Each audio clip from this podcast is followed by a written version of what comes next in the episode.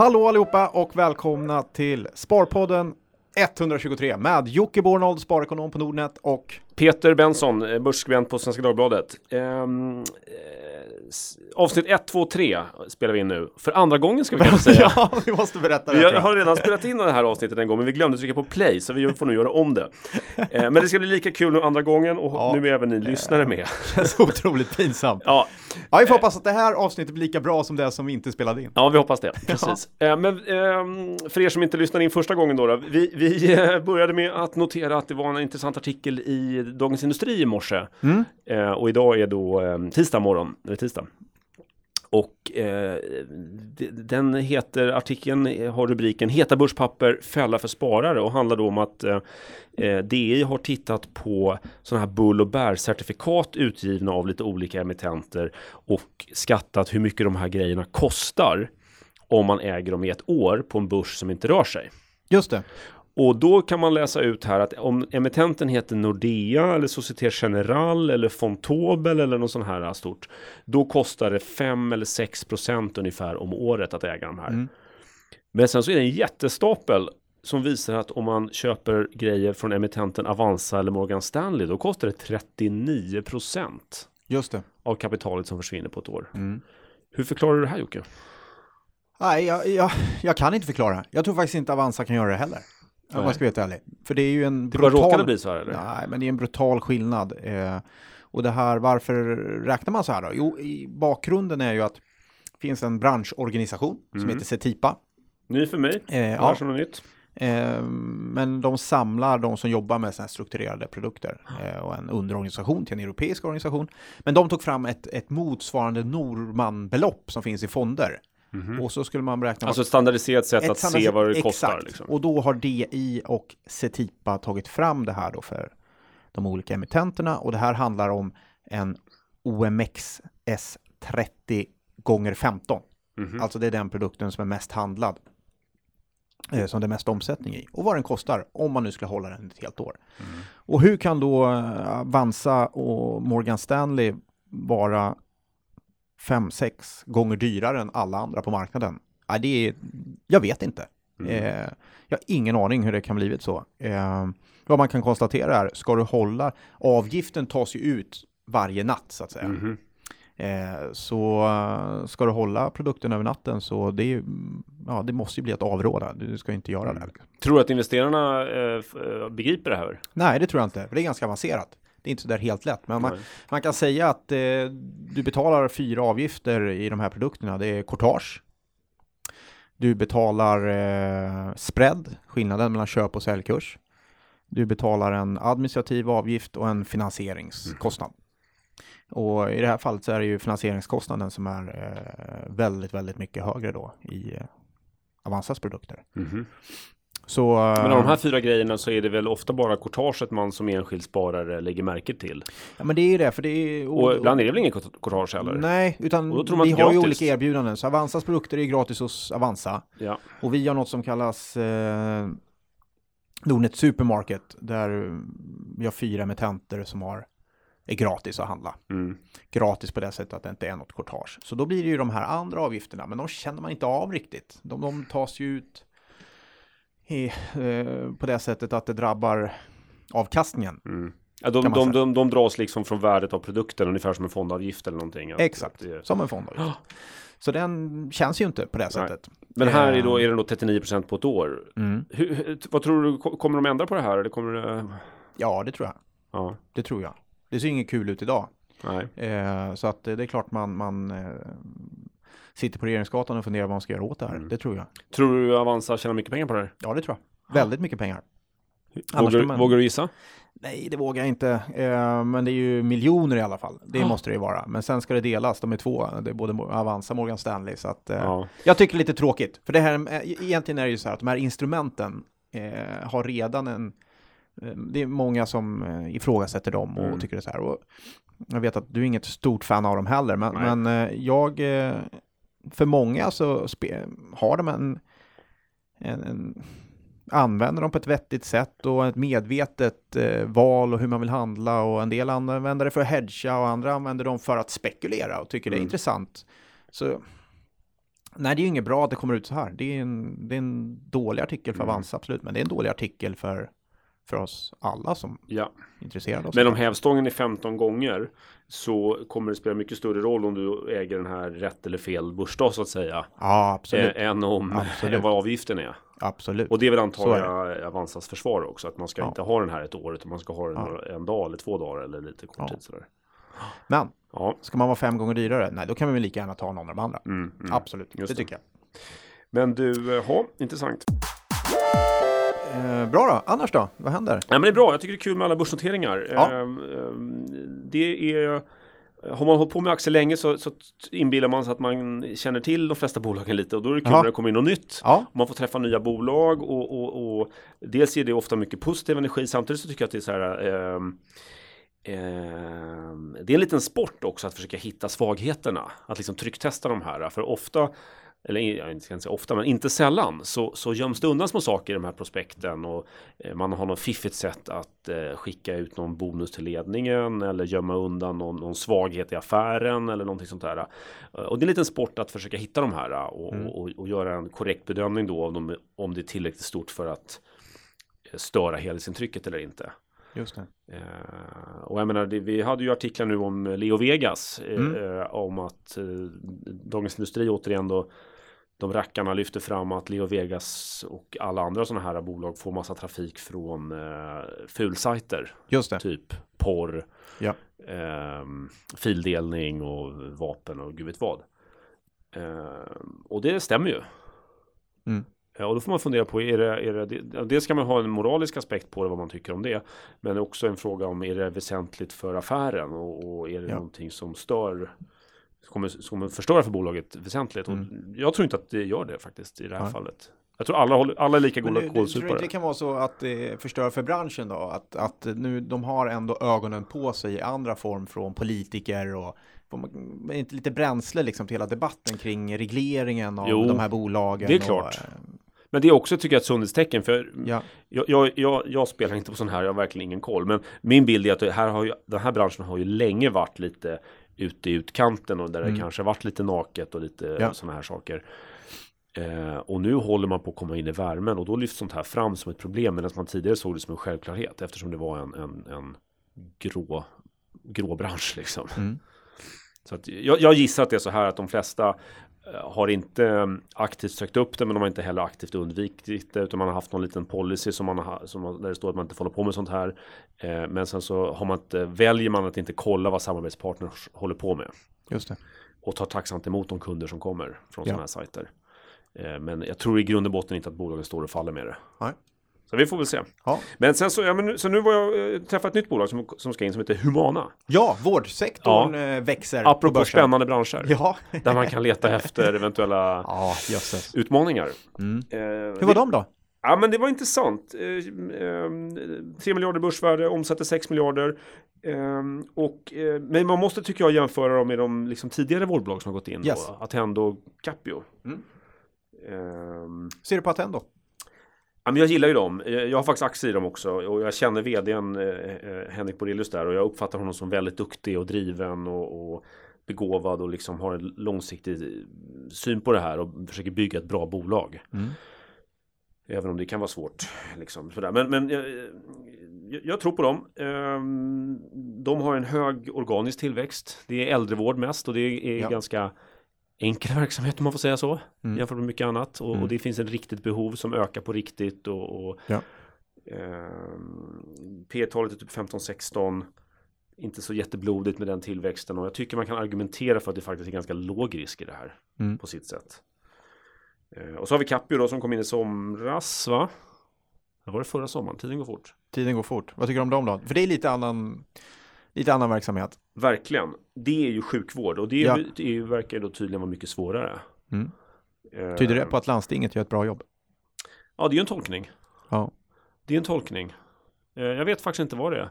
Eh, För, för svenskar så är ju Capio mest känt för att de har Sankt Görans sjukhus i Stockholm till exempel.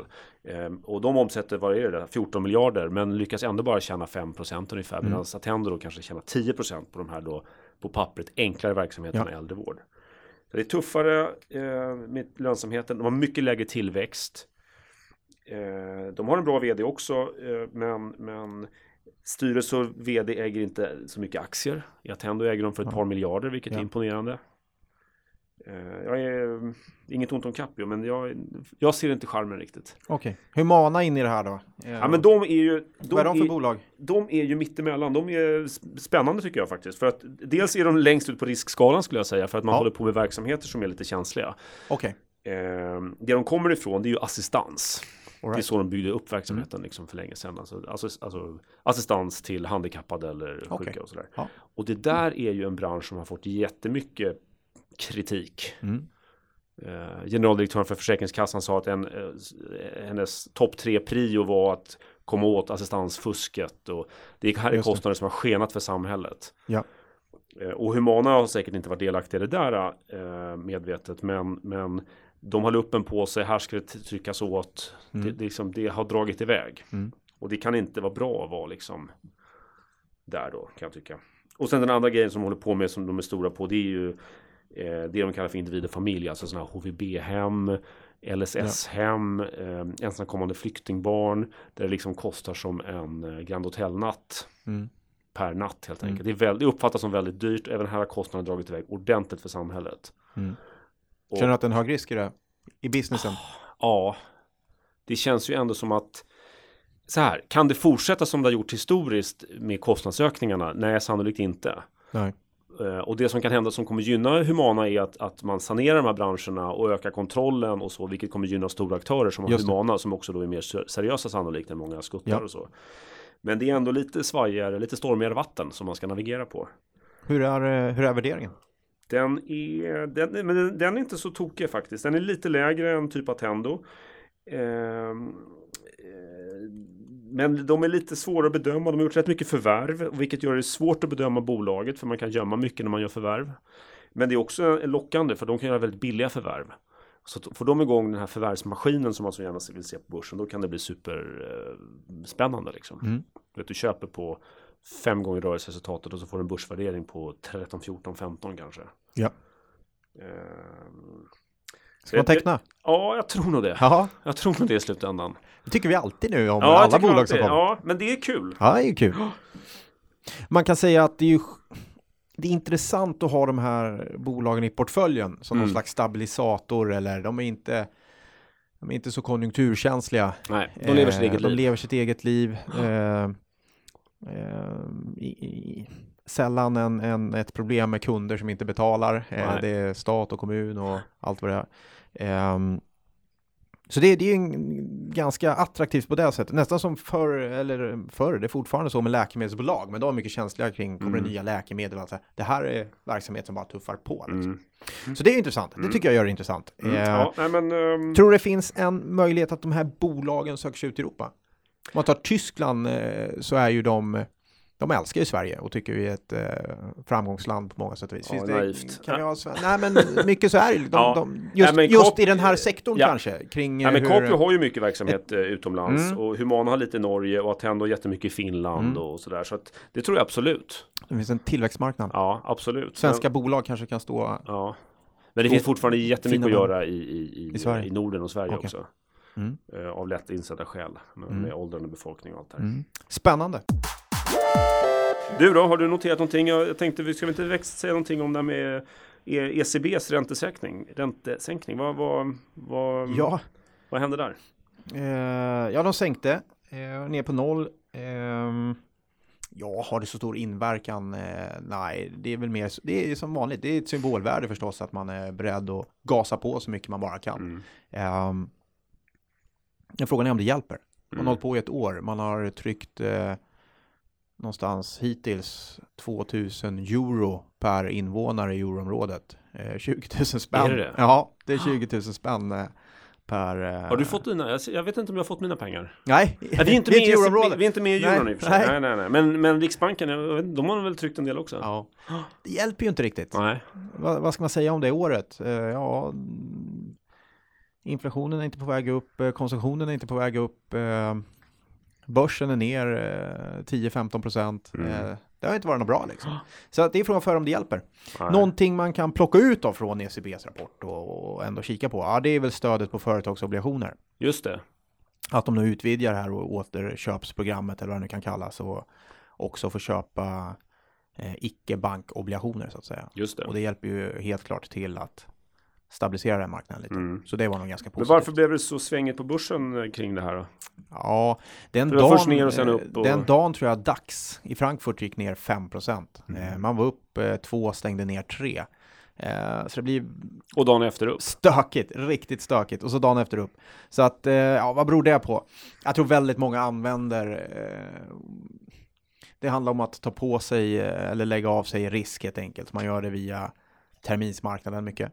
Eh, Just det. det handlar inte så mycket om fundamenta eller att du tror vissa bolag drabbas eller gynnas eller utan det handlar mer om att olika aktörer eh, vill mm, vill dra ner på risken i portföljen och det är ju inte så att de säljer hela portföljen men det räcker att de stora drar ner 1% eller eh, i sin portfölj så blir det ett stort flöde Mm. liksom, av ordrar och så finns det många som hakar på Just det. och vill handla på det flödet. Och då skapar de här stora svängningarna. Och DAX svänger mer än, än vad OMX gör i sådana tider. Mm. Därför att DAX är ett index där det finns mycket likviditet. Ja. Och drar till sig väldigt mycket av sån hedging eller Mm. eh, och sådär. Så att det är ju en... Eh, Och deras banker är väl lite Mm. mer shaky också och, Ja, och lite absolut. berörs ju mer direkt när ECB håller Ja. på och klampar runt. ja. Så att det är just de där dagarna. Ja, kul för de som är traders och Ja. tycker kul att handla på. Eh, men, men det är... För den långsiktiga sparen, nej, det, det, det är inte så mycket att bry sig om faktiskt. Nej, nej. Ja, ja, ja. Du, ska vi gå över på lite um, lyssnarfrågor? Ja, men det tycker jag. Jag har Det en här från Johan K. Ja. Han öppnar upp med ett ganska konventionellt hej. Eh, hur, Hej. Fungerar, ja, hej.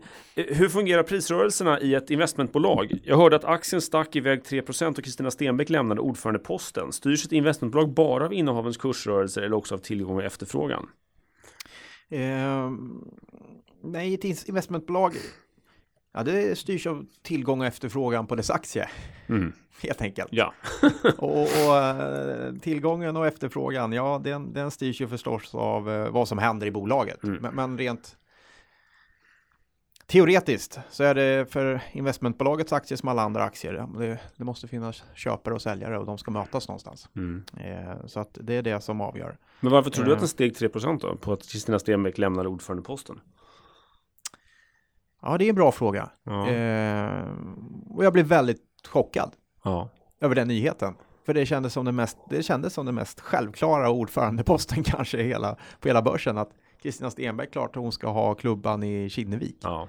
Eh, och veckan innan, eller ett par veckor innan, så klev hon av Zalandos styrelse. Och, eh, då sa hon att hon gjorde det för att ägna mer tid åt Kinnevik. Mm. Så jag tror det var ingen som hade förväntat sig det. Eh, men när man väl började tänka på det, hörde hennes argument och det lät ganska vettigt. Mm. Eh, hon vill ägna mer tid åt businessen istället för administration och kanske inte vill vara den eh, hela tiden vara den som frontar Kinnevik, vilket hon är.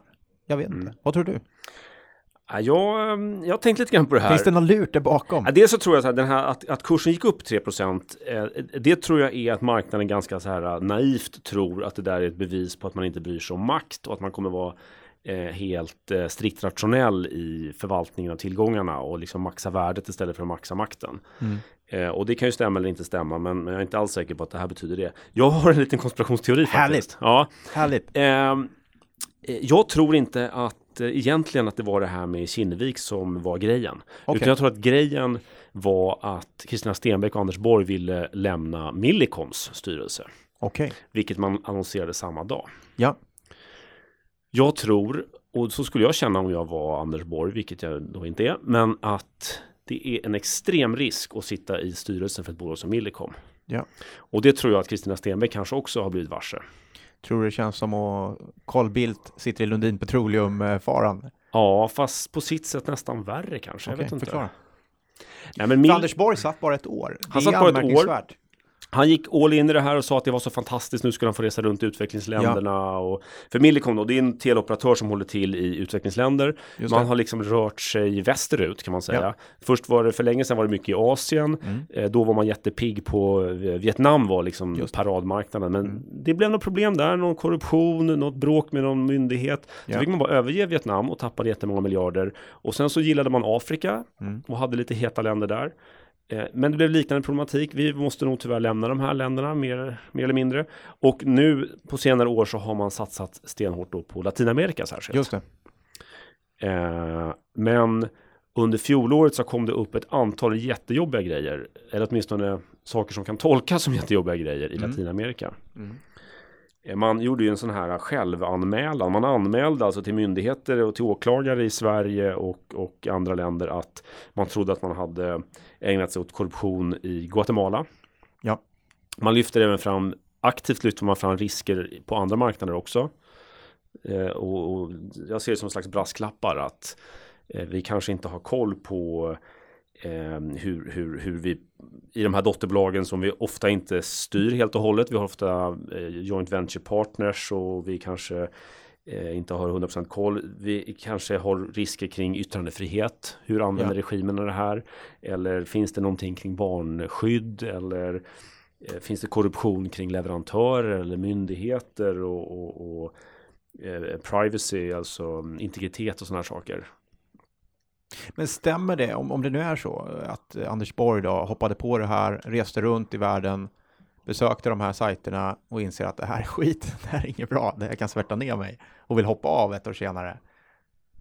Det är ju inget bra liksom. Då, då det, är- det, det, det, om det det är en helt grundlös eh, eh, konspirationsteori från min sida.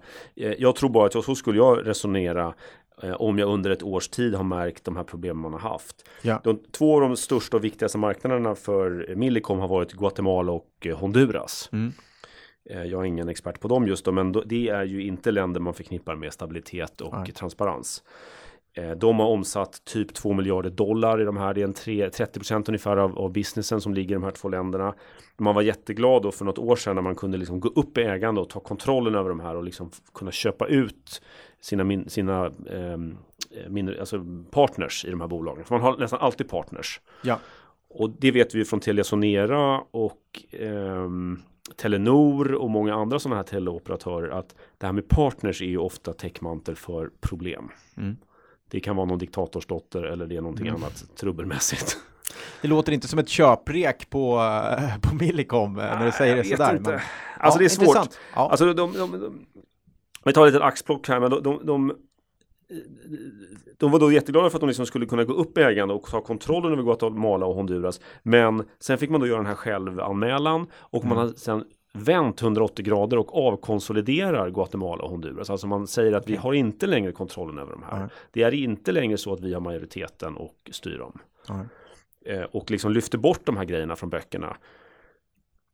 Och då blir man lite orolig. ja, det känns lite oroväckande. Ehm, och finanserna är kanske bra, kanske inte. Det är väldigt svårt att härleda vinsterna för att det är så mycket minoriteter och, och man vet inte om vinsterna så att säga är låsta i dotterbolag eller inte. Och ebitda eh, resultatet, rö- rörelseresultatet kan se bra ut men på sista raden så är det förlust och eh, inte lätt, det är inget lätt bolag. All right. Det var en, en, Ja, en lång långt- utvikning. lång utvikning, men Nästa väldigt fråga. intressant. Jag tyckte det var superintressant. Eh, vad... Eh, Fredrik. eh, Fredrik frågar så här. Hej, vad har storägare för syn på utlåning av aktier? Brukar storägare låna ut sina aktier och hur betraktas det av folk i ekonomibranschen? Skickar det några signaler? Bra fråga. Bra fråga. Eh, ofta anonyma ägare brukar vara rätt pigga på, min erfarenhet. Du vet, pensionsstiftelser, Mm. eh, fondbolag, eh, de brukar vara ganska pigga på att låna ut. Ja. Och det där är ett problematik. Framförallt är ju så att om man ska se någon signal i det och någon problematik med det så är det ju så att eh, jag kan själv känna, ah, skulle jag vilja låna ut mina aktier till någon som spekulerar på nedgång? Det, det, den diskussionen finns ju alltid. Skulle du vilja göra det Mm. liksom som ägare? Samtidigt är det ju så att ja, det spelar ju ingen roll om du mäts, din performance mäts på index. Då har du inte den Mm. tänket. Eh, Jag, jag, om jag var förvaltare och mät, mätte inte i absolut avkastning, utan jag mäts mot ett index. Ja, då är det klart, jag har ju inget att förlora på Mm. att låna ut mina aktier och få in ett par extra procent på det.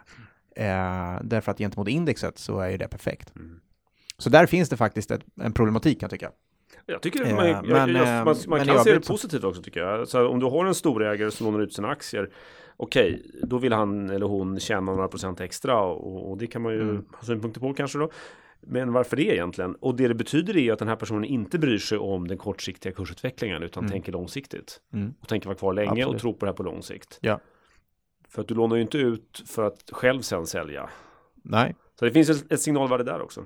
Ja. Ja. Ja, det där är en komplex... Ehm, Sen kan man inte alltid, det är också viktigt, man läser statistik, får ganska mycket frågor kring det här. Man Ja. får, eh, ja men nu är det så här mycket blankat och ja, men du kan inte alltid veta vad som ligger bakom blankningen så att säga. Nej. Det behöver inte vara att någon hårdspekulerar i en nedgång, det kan finnas en, en derivataffär eller Ja. en, det finns väldigt många varianter på när det kan eh, eh, när det kan vara eh, rimligt eller eh, finns en orsak till att låna aktier.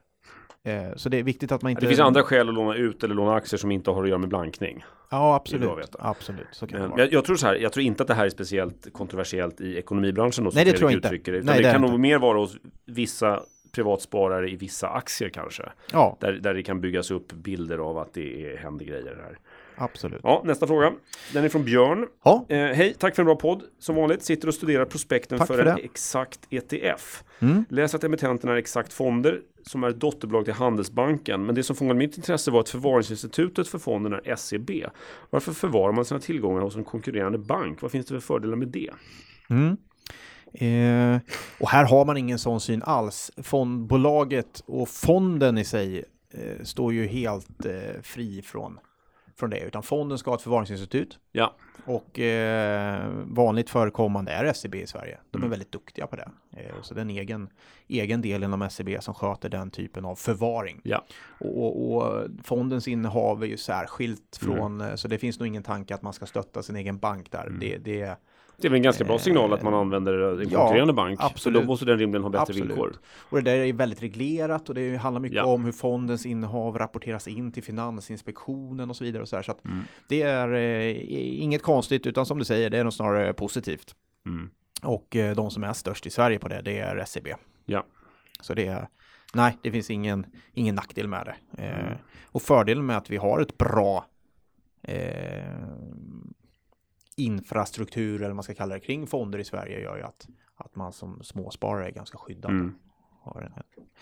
Eh, så det är bra. Ja. Bara fördelar med det tycker jag. Eh, vi har en annan fråga här. Den här är ju definitivt till dig Peter. Mhm. Carlos, hejsan! Mm. Tusen tack för en riktigt bra podd. Eh, jag är intresserad av Klarna som bolag och dess potentiella börsnotering. Mina frågor är som följande. När tror ni att börsnoteringen kommer hända? Vilken börs? Om ni hade aktier i bolaget skulle ni, tänk, eh, skulle ni tänka vid en eventuell börsnotering? Sälja direkt eh, eller behålla? Är intressant att höra hur ni tänker kring hur folk börjar göra när de har aktier i ett onoterat bolag som går till börsen. Ja, Tack på förhand. Kan det vara så att Carlos äger aktier i, i eh, Klarna? Ja men det? vi hoppas det tycker jag. Det var Ja. väl kul för Carlos om han Mm. gjorde det. Ehm, eh, vi har ingen aning om när en börsnotering kan hända i, Klarna. Nej. Eh, och inte heller om vilken börs. Eh, det vore väl kul med, med Stockholm. Vi, vi sågade ju här om avsnittet va, att eh, möjligheten för Spotify att söka sig till Stockholm att det nog sannolikt blir USA. Klarna känns Klarna, närmare. lite, ja, det- Klarna känns Absolut. närmare. Det, Det är nog fullt möjligt. Vi Mm. har lite ett kluster faktiskt av Mm. sådana här uh, fintech eller betalningsbolag i Sverige. Ju. Mm. Så att eh, Stockholm, absolut. Om det blir en börsnotering, men det är inte alls säkert. Ju- jag, har inte uppfattat att det är något jättehett, men det, är, det vore väl skoj. Ja, men hur ska man göra? Ska man sälja direkt eller behålla? Det är ju en prisfråga och vi vet ingenting om priset, så Nej. det går inte att svara någonting på det. Eh, och sen så är det ju ofta så här att i sådana här bolag, du har inget aktivt, du har inget, som en liten enskild ägare så har du ingen möjlighet att välja. Utan ofta så kommer du bli uppbunden i ett aktieägaravtal. Du är antagligen Ja. redan uppbunden i ett aktieägaravtal. Eh, och du kommer vara i samband med IPO eller börsnoteringen där det är tydligt reglerat vilka som får sälja och hur mycket. Just det. Ehm, och, men sen så, sen så efter då en, en, direkt eller efter några månader så är man då fri att göra vad man vill. Ja. Men det blir, vi har ingen aning om Klarna liksom, vad det är för pris och värde och så. Nej. Kan man säga någonting om, om man är i den situationen att man äger bolaget onoterat Ja, eh, därför att du jobbar där, vilket inte Just är helt det. ovanligt. Ehm, så tycker ju jag att man ändå ska ha just risktänket även där. Att du har, eh, ta inte för stor risk gentemot bolaget som du jobbar på. Det är jättebra Ja. att äga aktier i bolaget. Jag äger aktier i Nordnet och köper eh, aktier i Nordnet. Jag tycker det är jättebra. Men ha alltid det i åtanke att du lägger väldigt många ägg i samma korg. Absolut. Och Absolut. att eh, har man då också sin, sin eh, inkomst från bolaget som du också är aktieägare i. Ja. Så ha det lite i åtanke i alla fall. Ja, absolut. Och, och gör någon slags stresstest Mm. över, den, eh, över ditt förhållande till bolaget. Just det. Och, och ofta innan, när bolag har, har blivit lite halvstort och har lite spritt ägande men ingen notering.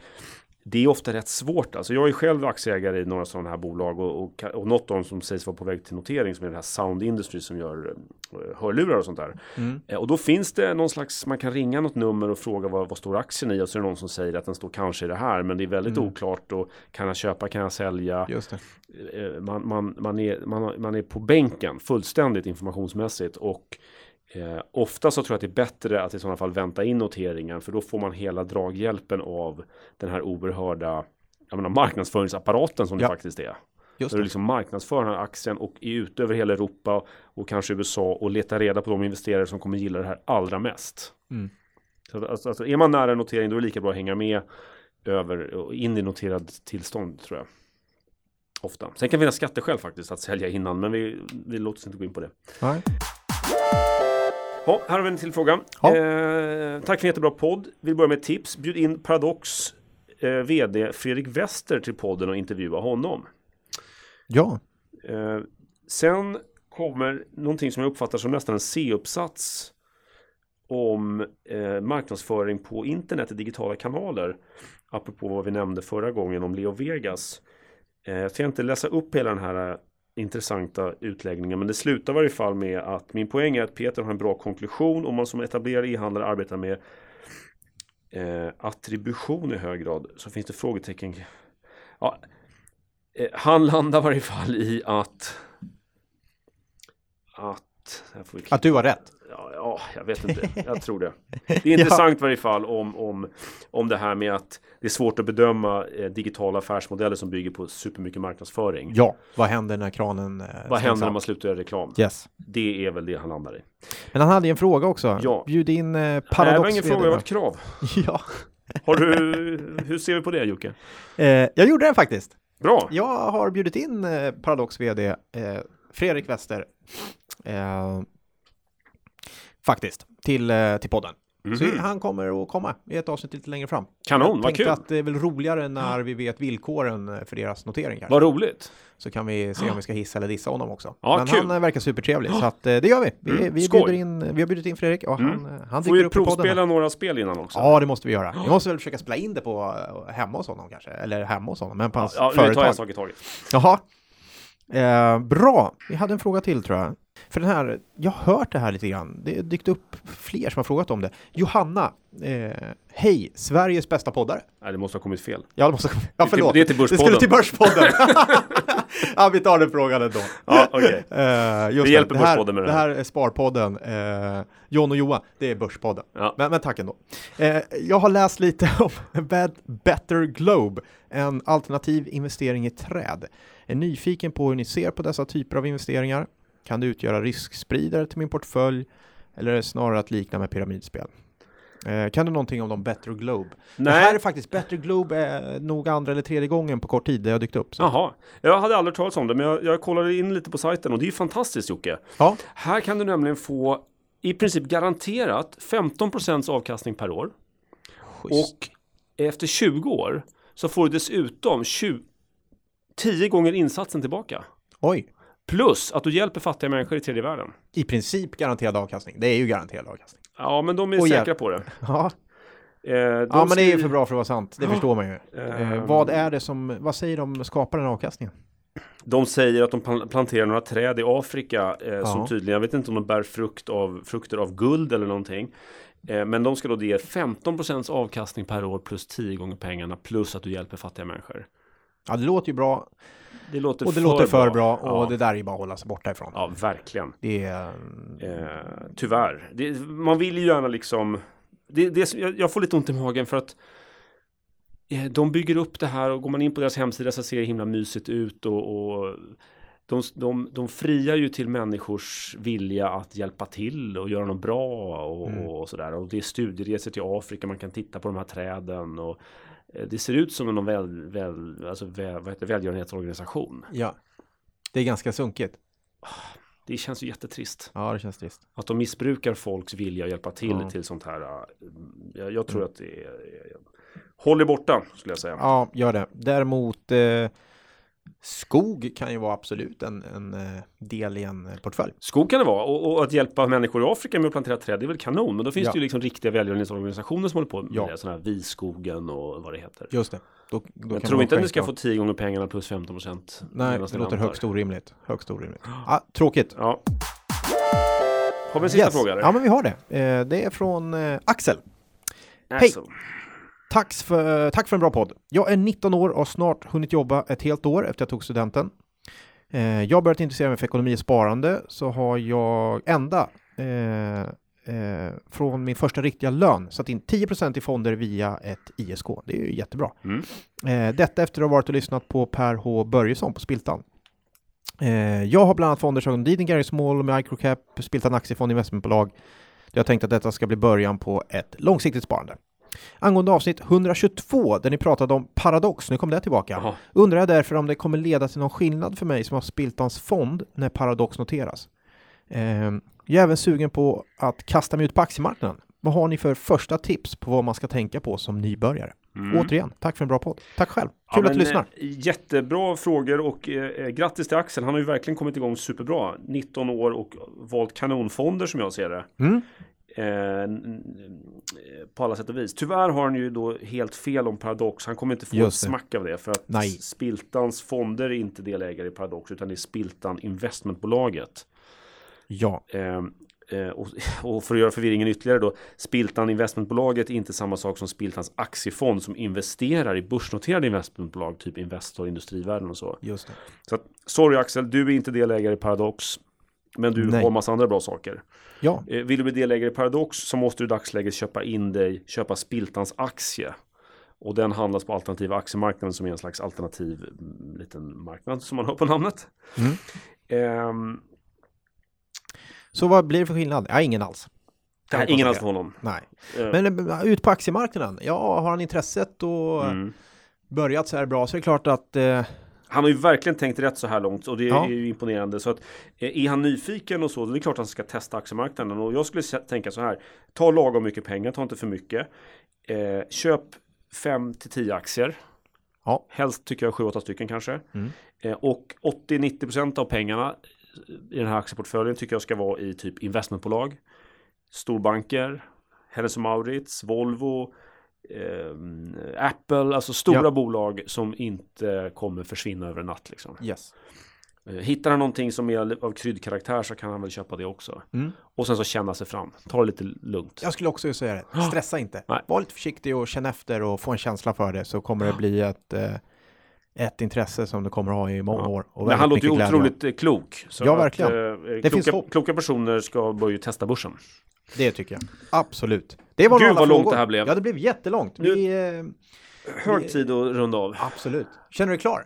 Ja, det här var alltså avsnitt nummer två av avsnitt 123. Exakt. Och tvåan blev Har du tryckt på play nu den här gången? Eh, ja, Det har du, bra. och alldeles strax ska jag stänga av den. Men eh, vi ska tacka Najara som alltid gör ett strålande jobb med att klippa och klistra. Och se Jajamän. till att det blir vettigt.